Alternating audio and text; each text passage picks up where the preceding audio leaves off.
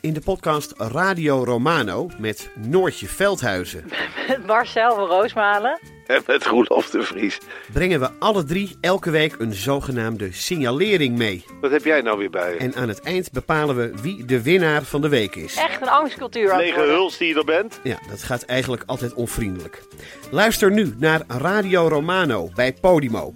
Via podimo.nl slash Radio Romano luister je 30 dagen gratis. Ik ben Jacqueline en in de podcast Lust praat ik over relaties, intimiteit en alles wat met lust te maken heeft met ervaringsdeskundigen en experts. Of je nu in een relatie zit, single bent of iets daartussenin, Lust is de podcast voor jou.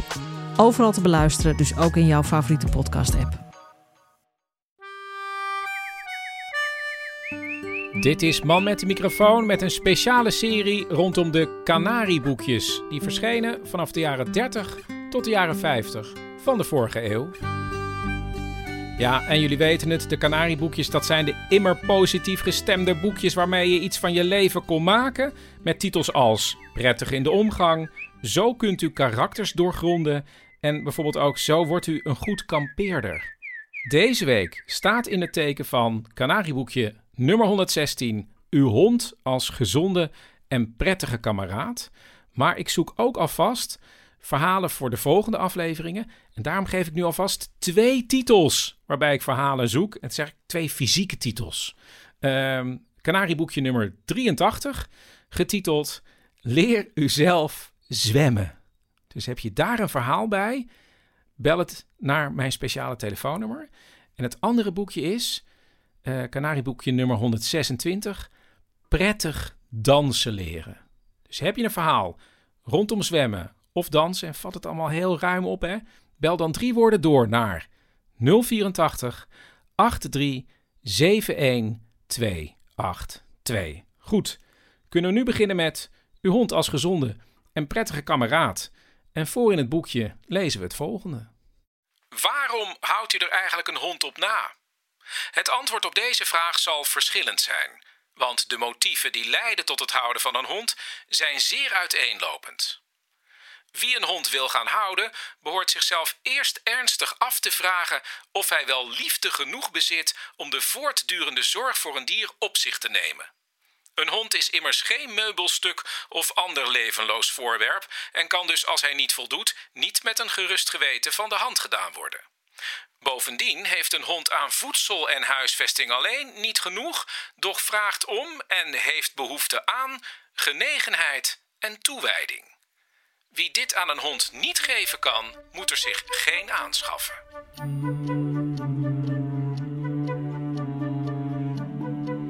Ja, mijn drie woorden zijn onzichtbaar, rond en ponykamp. Dankjewel. Onzichtbaar, hond en ponykamp. Het zijn de drie woorden van de 13-jarige Hanna. En dit is Hanna. Wij wilden dus heel erg graag een hond. Mijn moeder, mijn broertje en ik. En mijn vader die was daar niet zo enthousiast over. Die dacht, ja, anders ga ik altijd die puppy uitlaten en dan eh, doen zij niks. Dan hebben zij daar geen zin in. En dit is haar vader Roeland. Nou, ik vind hondjes hartstikke lief, maar, maar eh, elke dag uitlaten. En het is ook zo van, ik, ik zat ooit een keer in een, in een, eh, in een bus. Eh, en daar zat een mevrouw voor me met een hondje. En, ik, en we raakten in gesprek. En ik zei, goh, leuk hondje. En ze zei, leuk hondje, het is, het is een drama. Eh, ik heb dat hondje twee jaar geleden van mijn man gekregen. Die is vorig jaar overleden, mijn man. En nu zit ik de komende tien jaar nog steeds met een hondje. Terwijl ik zei, juist zo blij was dat ik eigenlijk voor niemand meer hoefde te zorgen. En, en dat is ook een beetje blijven reviseren. Dat ik dacht, ja, wacht eens even. Straks zijn die kinderen allemaal het huis uit en dan zitten wij nog steeds met een hond die drie keer. En dat is fantastisch, hoor. ze zullen vast lief zijn. Maar ja, ik, we hebben wel eens een leenhondje gehad ook. En, ehm, en die logeerde dan bij ons. En dan was ik vrij en, en zij waren naar school en mijn vrouw was er niet. En dan wou ik gewoon naar een museum. Zo, en dacht ik, oh shit, dat kan natuurlijk helemaal niet. Want ik heb dat hondje hier. En die kan ik niet thuis laten. Dus ik, ik voelde het nogal als beperking inderdaad. Maar ja, de rest van het gezin wilde heel graag een hond. En we hadden ook al allemaal boekjes gelezen over, ja, over eh, honden, hoe dat ging, dat werk. ja, wat is als een dvd van, van de overburen met, eh, met eh, en die had mijn zoon ook helemaal bestudeerd in een boek over hoe je met, dus ze waren echt wel serieus zich aan het voorbereiden. En de eh, hond van onze tante en oom, die was ook al een keertje blijven logeren. Ja, dus dat leek ons gewoon ontzettend gaaf om een eh, hond te hebben. Ja, dus ik, ik, ik dacht, ik moet een experiment met ze doen. Waarbij ze kunnen ervaren hoe het is om een hondje te hebben. Dus toen, toen dacht ik, nou, weet je wat, dan, dan stel ik voor dat we een virtueel hondje hebben. En dat virtuele hondje, of dat onzichtbaar hondje, dat moet natuurlijk uitgelaten worden. Dus dat je eigenlijk gewoon een blokje omloopt. En dan heb je die hond dus uitgelaten. En uh, dus, dus hoe gaan we dat dan doen? Nou, toen had mijn dochter gezegd, van, nou, dan, uh, ja, dan maken we een uitlaatschema. Dus we hadden netjes opgeschreven, die s ochtends, die s middags, die s avonds en die s avonds laat. Dan ging ik in de ochtend, dan mijn broertje in de middag en, en mijn moeder in de avond. En um, ja, dat ging eigenlijk best wel goed. En stelde je dan ook voor dat je die hond bij je had? Ja, ja, zeker, ja. En hoe zag de hond eruit in, jou, in jouw hoofd? Uh, hoe zeg je eruit? Nou ja, um, volgens mij, ja, ja, we hebben een hondje aan de overkant wonen. En die was toen ook heel mooi. En die uh, was een beetje crème kleurig met zo'n uh, leuk krulstaartje en allemaal krulletjes. Uh, en zo hadden wij het voorgesteld en wij wouden ook zo'n soort hond kopen. Dat was dan een hele lieve hond en zo. En dat wouden we dan bij dezelfde fokker kopen. Ja, en ja, dat leek me gewoon ontzettend gaaf, ja.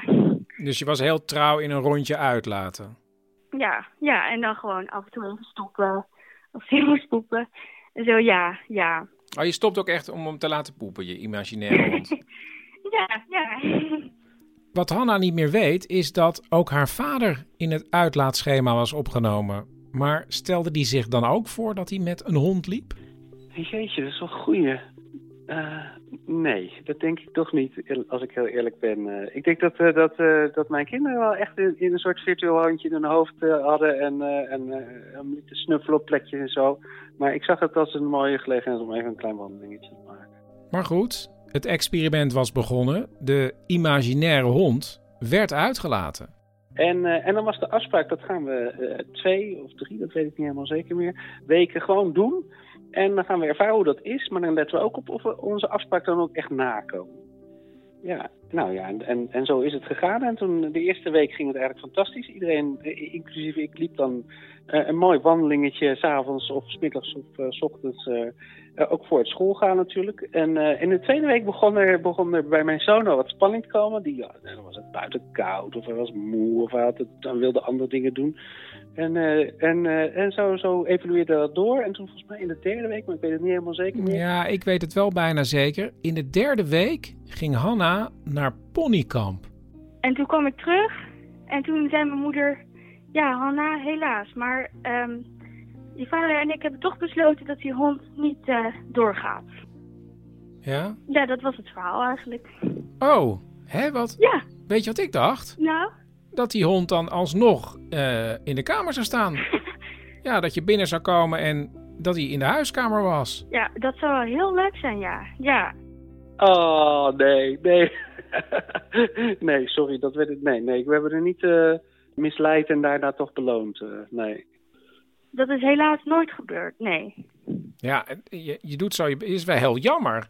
Ja, jammer hè? Ja, want op zich was natuurlijk de afspraak, als jullie het vol hadden gehouden met z'n drieën, dan was die hond er gekomen. Volgens mij wel, ja. Ja, ja, ja maar ik weet ook niet wat er toen was gebeurd toen, we, toen ik op ponykamp was. Wat er toen was veranderd in mijn ouders, hun, hun denken, zeg maar, ja. Ik denk dat je ja. moeder gewoon vergeten is om de imaginaire hond uit te laten toen jij weg was. Ja, dat zou best wel kunnen. Dat zij gewoon dacht, ja, Hanna is toch weg, dus dan hoeven wij het ook niet meer te doen. Ja, de harde realiteit is dat het verslapte toen Hanna weg was. En toen? Toen, toen zei mijn zoon en mijn, mijn vrouw ook al van ja, misschien is het toch niet zo'n heel goed idee. En uh, uh, ja, zo is dat eigenlijk. Dus dat, wat dat betreft was het een goed experiment. Ja, een experiment met voor jou een hele goede uitslag. Ja, ja fijn. Hè? en daardoor zit ik nu ook rustig op de bank op mijn vrije ochtend, of middag in dit geval. En, uh, en hoef ik helemaal geen hondjes uit te laten. En inmiddels zijn er trouwens kippen gekomen. En dan hoef je toch een minder... Nou, daar hangt trouwens ook van mijn dochter alweer een mooi schema aan de muur. Maar die, dat wordt redelijk gevolgd. Oké, okay, dus zij heeft ook weer het kippenschema opgehangen. ja, zij houdt heel erg van schema's, ja. En Hanna, ben je ooit nog van plan om, want je bent nog maar 13, om nog eens een keer opnieuw te zeggen: hé, hey, uh, ik wil eigenlijk misschien toch nog wel een hond? Ja, nou, dat lijkt me heel leuk, maar het is dus zo dat honden, die vallen kippen aan. Die eten die beesten echt levend op, dus ja. Dus met, een, met kippen kan je weer geen hond? Nee, heel irritant, ja. ja. Maar als de kippen ooit weg zijn of als ik alleen woon, dan uh, wil ik wel heel graag een hond.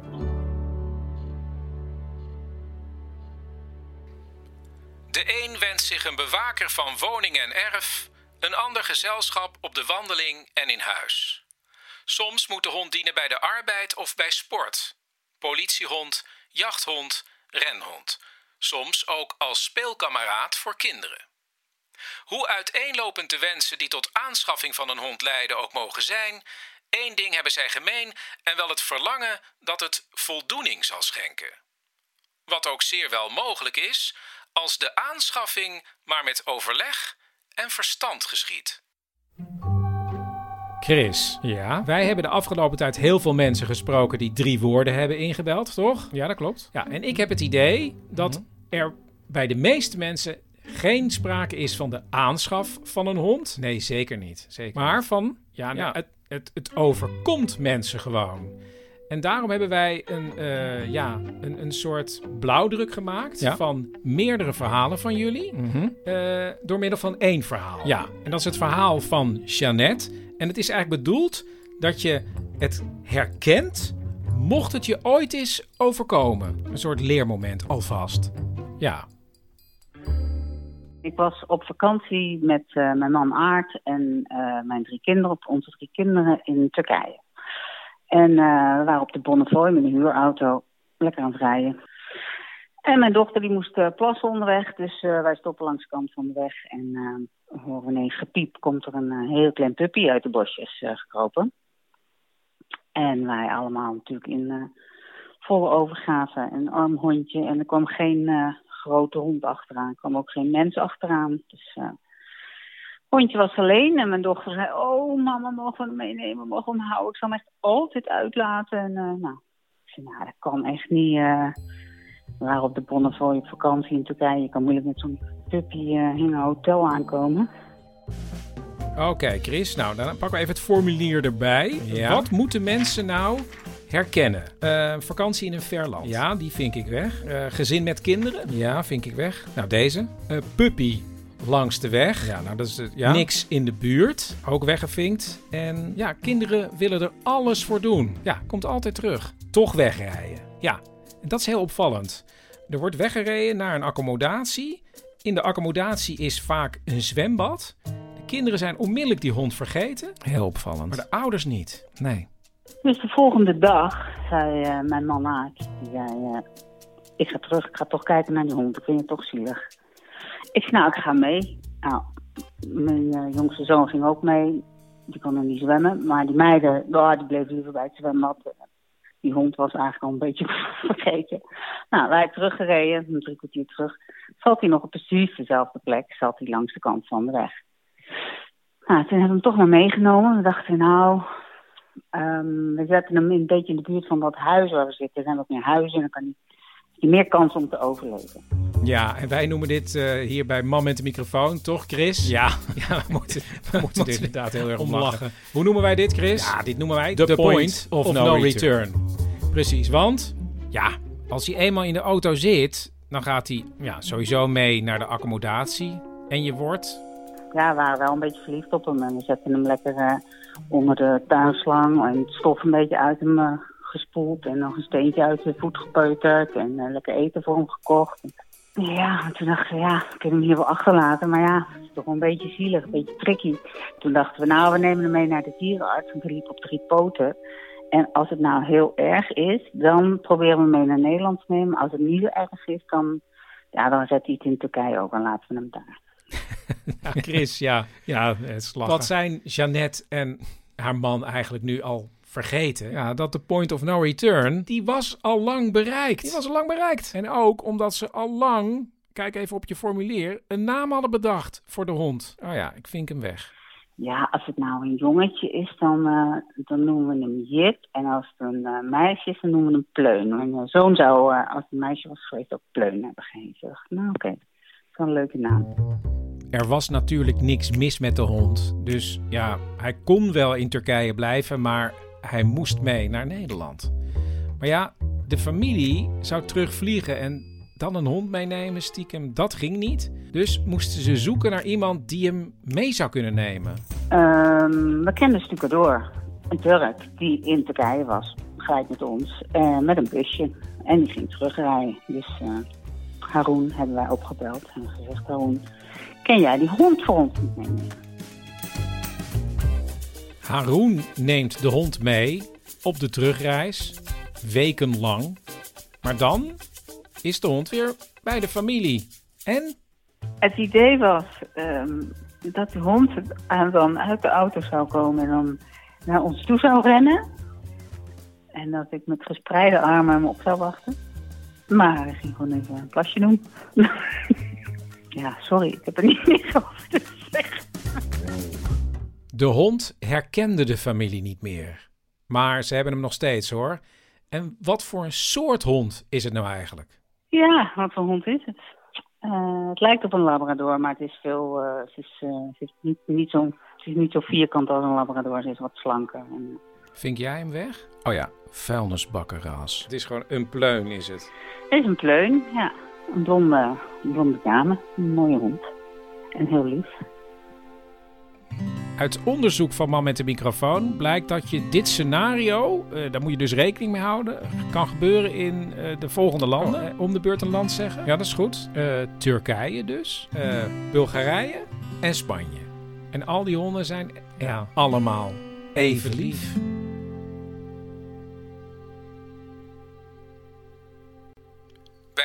Van een hond dient, om teleurstelling te voorkomen, wel degelijk rekening gehouden te worden met de omgeving waarin en de omstandigheden waaronder het dier moet leven. Een Sint-Bernard, Duitse dog, Newfoundlander of andere grote hond zal zich in een ruim huis door een flinke tuin omgeven heel gelukkig voelen. Daarentegen zal een kleinere hond in het algemeen in een bescheiden woning best gedijen. In dit opzicht biedt de aanschaffing van een rashond, vooral als de hond jong gekocht wordt, een waarborg dat hij niet groter wordt dan u verwacht had.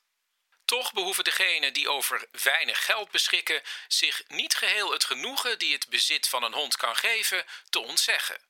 Want ook de minder mooie hond, en die welke niet met zorg gefokt is en geen beroemd hondenvoorgeslacht heeft, doodgewone straathonden dus, kunnen als bewaker en gezellig vriendje in huis heel goed voldoen.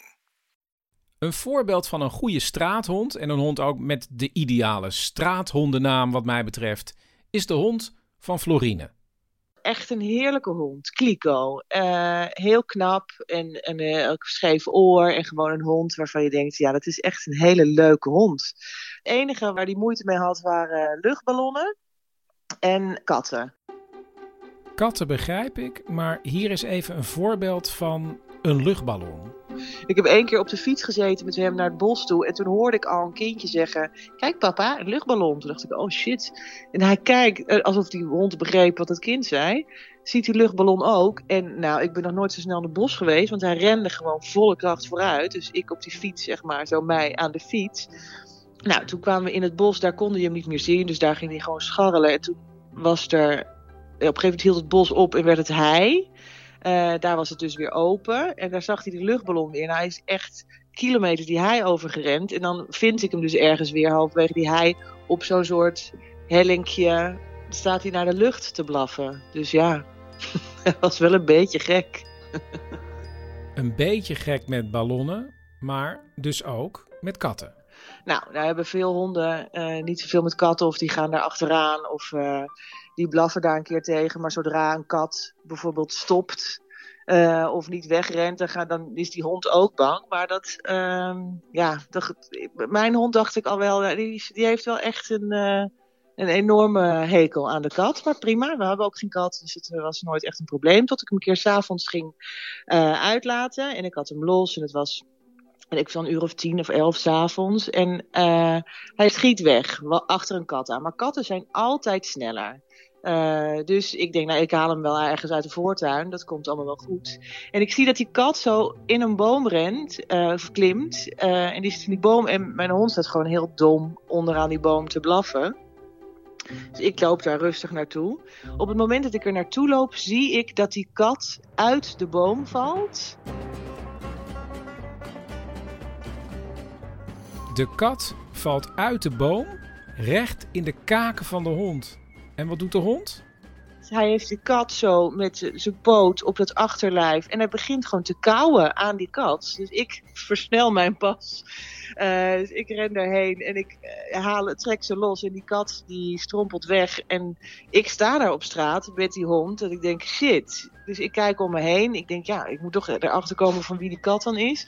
Er komt een man aanlopen verderop. Dus ik vraag hem, joh, uh, u heeft dit gezien? Heeft u, weet u van wie die kat is?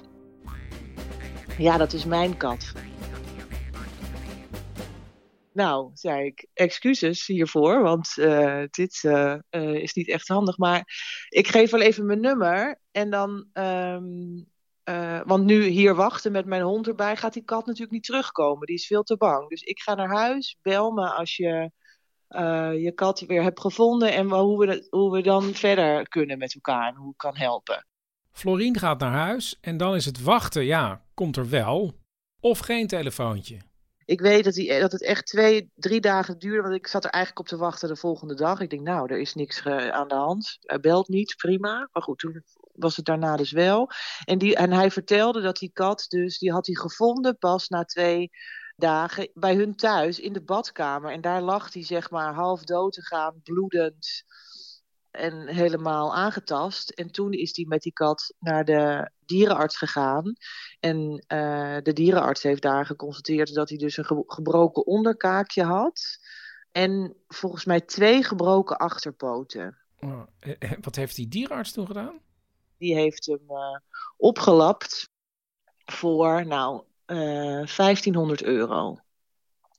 Maar toen dacht ik, ja, ik heb dat geld niet, maar ik ben wel WA verzekerd. Dus dit is toch iets wat, zeg maar, schade aan anderen, uh, wat misschien dan onder die verzekering valt. Dus ik uh, bel mijn verzekeringsmannetje op of zo'n, ja, eh, dat zo, ik tel me daar toch een soort type ingeruite blouse, een beetje duf in een duf kantoor. En die zegt, uh, ja, nou ja, wat we gaan doen is uh, dat wij de helft betalen. En dan is de andere helft van die rekening voor die man. Want jouw hond was los, dus dat is dan jouw schuld. Maar goed, die kat is ook, zeg maar, blootgesteld aan de risico's van het buitenbestaan. Dus ik dacht, nou, oké. Dus Florien belt de eigenaar van de kat op met het voorstel om, ja, het bedrag te delen. Toen zei hij, nou, maar nee, en ik ga me rechtsbijstand heb ik en ik ga daar allemaal werk van maken. Dus ik dacht, nou, dat lijkt me dan ook weer niet de bedoeling. Dus toen heb ik mijn verzekeringsagent weer een mail gestuurd met: Joh, ik uh, vond het een logisch verhaal wat jullie zeiden, maar daar is die man het niet mee eens. En ik moet dus die andere 750 euro zelf betalen, maar ik heb dat geld helemaal niet. Uh, dus, dus wat nu te doen, was mijn vraag. Dus ik stuur die uh, mail en toen kreeg ik uh, uh, een mailtje terug met alleen de zin: Kill the cat. waar ik direct wel heel hard om moest lachen, omdat ik dacht: deze man in zijn saaie kantoor met zijn geruite blouseje, die is gewoon toch een beetje een grappenmaker. Uh, dus ik belde hem op. En toen zei ik, ja, dat is uh, inderdaad, misschien was wel een goedkopere optie geweest, denk ik. Als de hond hem gelijk in één keer dood had gebeten. Maar goed, dat is gelukkig voor die mensen en die kat niets aan de hand. En toen uiteindelijk uh, heeft mijn verzekering alles betaald. Dus is het eindgoed al goed, iedereen leeft nog. Maar ik vond het vooral heel geestig dat die man dat mailtje had gestuurd. In het volgende verhaal van Geert speelt de hond een kleine bijrol. En dit is het verhaal. Mijn vader en moeder zijn in 2017 uh, naar een verzorgingstehuis gegaan in Assen. Mijn moeder uh, was de dementerend. En uh, mijn vader kon gelukkig meeliften met haar. En ze kwamen eigenlijk in een tweepersoons appartement terecht. de verzorging was echt fantastisch. En eh, mijn moeder eh, is nog van de generatie... eh groenten moet je vooral heel lang koken, dat je het bijna weg kunt zuigen. Dus 40, 45 minuten je boontjes koken, dat is toch wel het minste wat je kunt doen.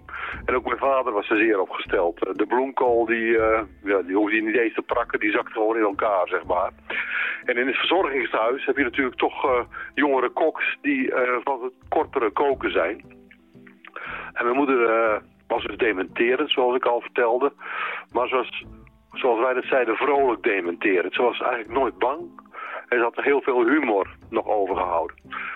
Dus op een gegeven moment eh, werd er s'avonds eh weer eten gebracht, warm eten. En de groenten waren veel te hard naar de zin van mijn moeder. Dus ze heeft helemaal niet gegeten. Het bord stond nog compleet vol op tafel. En de verzorging kwam het bord ophalen en zei... Hé, hey, mevrouw Schuurman, hebt u niet gegeten? En moeder zei, hebben jullie ook een hond hier? En de verzorger die keek haar aan en zei, een hond? Ja, zei mijn moeder, van, eh, dan kun je eh, dat eten hier aan die hond te vreten geven. Misschien lust hij het wel, maar ik hoef het niet. En toen ging de verzorgende weg met het eten. En een kwartier of twintig minuten later kwam de instellingskok met een bordje doorgekookte groenten. En dat heeft mijn moeder smakelijk opgegeten. Voedseltabel voor jonge honden van 8 weken. S'morgens 8 uur. Twee eetlepels in melk, waarin een stukje knoflook getrokken is, gekookte, niet te droge havermout, waardoor een sneetje oud bruinbrood gekruimeld wordt. Dit vermengen met twee eetlepels rauw geschrapt spiervlees. Een klontje natuurboter of vet er doorheen en alles goed dooreenmengen. 10 uur. Schotel melk waarin een stukje bakkersgist is opgelost. 1 uur. Rauwe vruchtenmoes, bijvoorbeeld fijn gevreven tomaat, banaan, appel, peer enzovoort, vermengd met 3 eetlepels geschrapt spiervlees en sap van een halve sinaasappel of citroen. 3 uur. Schotel melk waarin een theelepel kalkpoeder is opgelost. 6 uur. Twee sneetjes oud bruinbrood in warm gekookte melk geweekt of goede kwaliteit zogenaamd puppyfood op dezelfde manier behandeld. Hierbij twee eetlepels goed gaar gekookte, zeer fijn gevreven bladgroenten met gekookte peentjes, gekookte bieten of gekookte uien, vooral goed fijn wrijven, een zacht gekookt of geklutst ei toevoegen. Voor slapen gaan een theelepel levertraan. Dag Chris. Dag Dirk. Dirk. Alles kids. Je Ja. bent eh, twee minuten te laat. Maar goed, oké. Ja, maar ik werd eh, opgehouden. dus- In het gezin van Dirk hebben ze jarenlang een bokser gehad. Ik heb hem hier nog voor me hangen zo, want hij hangt hier aan de muur. Dus eh, ja, daar was hij helemaal aan gehecht, hè, aan die hond. Hij ging altijd mee waar we ook naartoe gingen. En hij kon makkelijk een hele avond thuis zitten, dan hoorde niemand wat. Als we naar buitenland gingen, nou, namen we hem ook mee. Dan gingen we lekker op strand zitten. Melden een parasolletje. En dan ging hij de zee in. En hij luisterde altijd prima. Hij deed alles netjes zoals wij het wilden. Maar dat leek wel of hij dan opeens op het strand ging zitten schijten. Bij een ander voor zijn neus. Weet je wel, dan kon je weer aan de ridderij. Wat is de Ja. ridderij? Wat is de ridderij? Nou, eh, opruimen. hè. Ja, ja, ja, oké. Wij zeggen hier in de regio, dan kun je het weer ridderen. En dat is opruimen. Oplossen. Ja, dat is opruimen. Dan kon je weer met een zakje en eh, sorry mevrouw en eh, weet je wel, en al de gelul meer. Nou, je, dan heb je wel eens dat je denkt, hmm, ik vermooi je. En hoe kwamen jullie eigenlijk aan die hond? Mijn zoon heeft hem gekocht, die wilde zo graag een hondje, hè. Je weet hoe dat gaat. En hoe oud was hij toen? Mijn zoon? Ja, was hij al volwassen? Of... 17, 17. Ah, Oké. Maar toch wou hij graag een hond. Dirk heeft naar tevredenheid ooit wel eens een bokser gehad. En dus gaan ze naar een fokker om een puppy uit te zoeken. Nou, zei mijn zoon, ik wil die hoor, ik wil die, die, eh, die is, eh, komt gelijk naar ons toe. Nou, zo gedaan, betaald. Nou, toen kregen wij een eh, zak eh, hondenvoer mee van die mevrouw. Ze zegt, ja, dat is het voer wat hij altijd eet. Dus wij dachten, nou, we gaan eventjes die brokjes in een, in een schaaltje doen. Dan kan die dat eh, opeten. Nou, ik keek er zo'n beetje in, in dat bakje. En, nou, nou, nee. Hij vrat het niet op.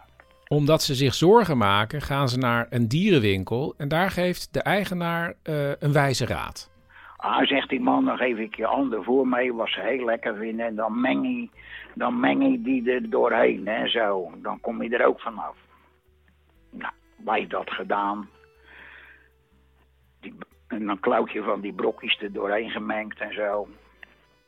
Nou, hij rook eraan en eh, hij begon gelijk te kamen. Dus wij keken even niet. En toen had hij dat allemaal opgereten, behalve die stomme brokjes. Ik zeg tegen mijn vrouw, wacht, morgen dan doen we het in de koffiemolen. Dan malen we het helemaal en dan doen we het er ook weer door. Nou, je gelooft het niet, eh, Frits. Of Chris. De gruis lag gewoon weer in die bak. En met, een bokser moet je toch ook, ja, die moet toch de hele dag bewegen? Ja, maar wij- ik woon nou niet voor niks in Hoek van Holland. Dus je ging met hem de duinen in. Ja, in de duinen. En eh, man, dan zag ik hem niet meer. Want dan, eh, soms maakte hij een put van een meter diep. En dan ging hij helemaal in, ondersteboven, achterstevoren. En dan kwam hij met zo'n eh, met zo'n zandkop. met dat kwijl natuurlijk. Ja. Nou, dan kwam hij er weer helemaal uit. Als wij riepen, zoek het goud, dan begon hij al te graven. Wat grappig. Oh ja, en ze kwijlen ook zo verschrikkelijk, hè? Ja, daar zijn ze dol op. Na heel veel kwijlen, heel veel rennen door de duinen, heel veel meegaan op vakantie, wordt de hond ouder en ouder. En ja, dan komt het einde ook in zicht. En hoe is hij dan precies overleden? Nou, laten we het zo zeggen. De laatste dagen van onze hond was, we waren op vakantie geweest. Toen hadden we hem in, een, eh, in zo'n hotel gedaan, want we konden hem niet meer meenemen zo. Waarom niet? Nee, hij was er heel slecht aan toe. Wat had hij? Dement. En wat doet hij dan? Nou, gewoon gaan zitten staren. En als hij dan, eh, als hij dan in zijn mand zit, dan zit hij gewoon te pissen. Dus dat was niet leuk. Dus we hebben hem daar netjes eh, achtergelaten. Ja, toen zei die mevrouw nog... Ja, zegt ze, maar als die in moet slapen, dan moet u dat wel betalen. Ik zei, tuurlijk. Dat moet toch. Dus dat vinden we niet erg. Maar toen kwamen we terug van vakantie. En toen was hij dit nog. maar hij kon ons niet meer. Hij keek je zo aan, zo van... eh, dat, wat, wie zijn dat nou weer, weet je wel? Nou, toen hebben we nog een, eh, paar maanden pillen er tegenaan gegooid eh, bij de dierenarts. En toen kwam er nog eens een eh, berg geld bij, want zo is het gewoon. Maar hij werd niet beter. En het werd steeds erger. Ik woon eh, ook een beetje hoog. Dus dan moest had ik weer op mijn knieën in de lift met een dweil. Nou, nou toen, we- toen zeiden we, jongens, het, het is welletjes geweest voor een hond van, eh, van die leeftijd. En dus gaan ze met hem naar de dierenarts. Dus dan zegt hij, nou, ik, eh, ik heb het gezien. Nou, hij wist natuurlijk al eh, een poosje, want dan kom je natuurlijk dan wekelijks. Hij zei, nee, we moeten er eind aan maken. Dus eh, dat gaan we dan ook maar doen. Nou, dan ben je met je vrouw samen. En dan, eh, ja, dan krijgt hij zijn eerste prikkie. En dan zakt hij zeg maar een, een beetje weg. Zo, eh, hè. Nou, en dan krijgt hij er nog één. En dan is het gauw gepiept. Maar heb je nog iets tegen hem gezegd? Of heb je nog iets gedaan met z'n tweeën? Ja, gewoon eh gehaaid en veel plezier verder daar of zo. Weet ik wat we geluld hebben. Maar in ieder geval, dat is heel verdrietig. Dat vind ik van wel.